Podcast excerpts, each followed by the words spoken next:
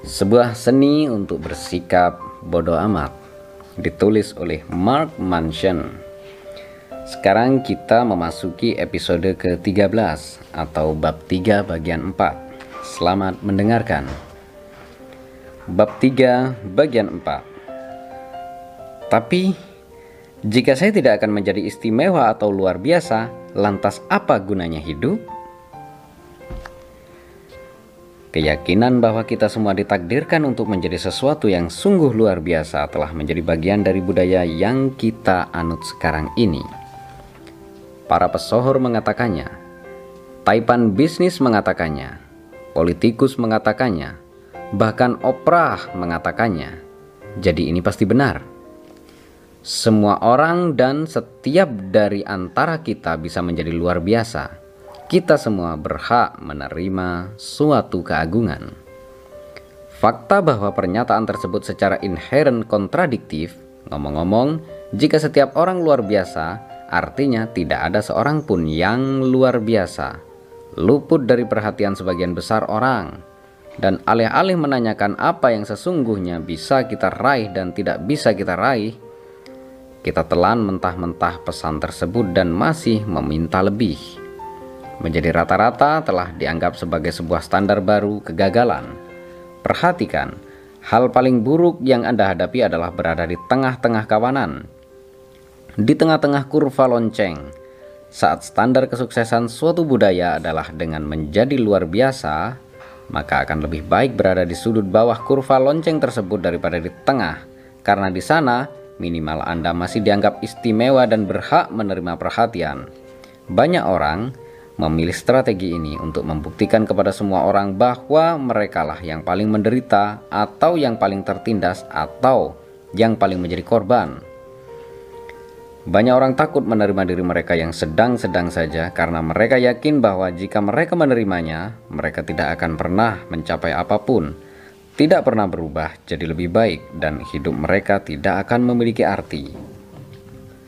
Pemikiran semacam ini berbahaya Begitu Anda menerima premis bahwa suatu kehidupan akan berharga hanya jika benar-benar penting dan besar, maka pada dasarnya Anda menerima fakta bahwa sebagian besar populasi manusia, termasuk Anda, payah dan tidak berharga.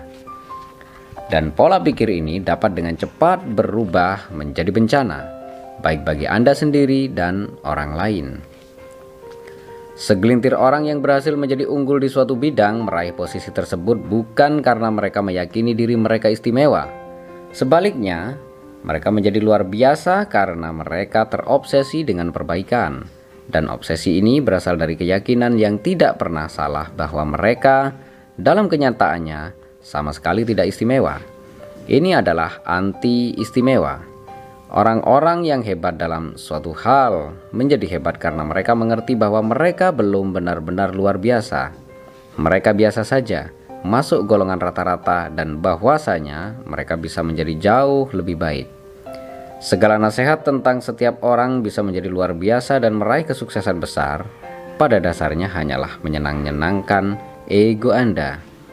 Ini adalah sebuah pesan yang membuat Anda merasa enak dan lega namun pada kenyataannya ini ibarat kalori yang membuat Anda secara emosional gemuk dan membengkak seperti Big Mac atau jiwa Big Mac untuk jiwa dan benak Anda.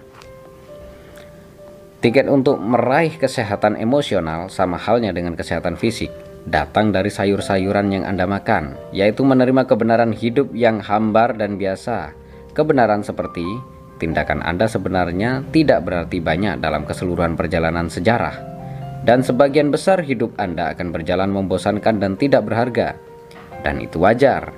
Resep sayuran ini akan terasa pahit awalnya, sangat tidak enak.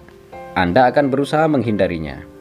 Namun sekali tercerna, tubuh Anda akan terbangun dengan perasaan lebih kokoh dan lebih hidup. Setelah itu, tekanan yang sebelumnya Anda rasakan akan berubah menjadi sesuatu yang luar biasa menjadi hal besar berikutnya akan menopang Anda untuk berdiri tegak. Tekanan dan kecemasan karena selalu tekanan dan kecemasan karena selalu merasa tidak cukup dan terus-menerus perlu membuktikan kepada diri Anda sendiri akan menghilang. dan pengetahuan serta penerimaan terhadap eksistensi Anda sendiri yang sedang-sedang saja akan benar-benar membebaskan Anda untuk menuntaskan apa yang sungguh ingin Anda selesaikan tanpa penilaian atau ekspektasi yang muluk-muluk.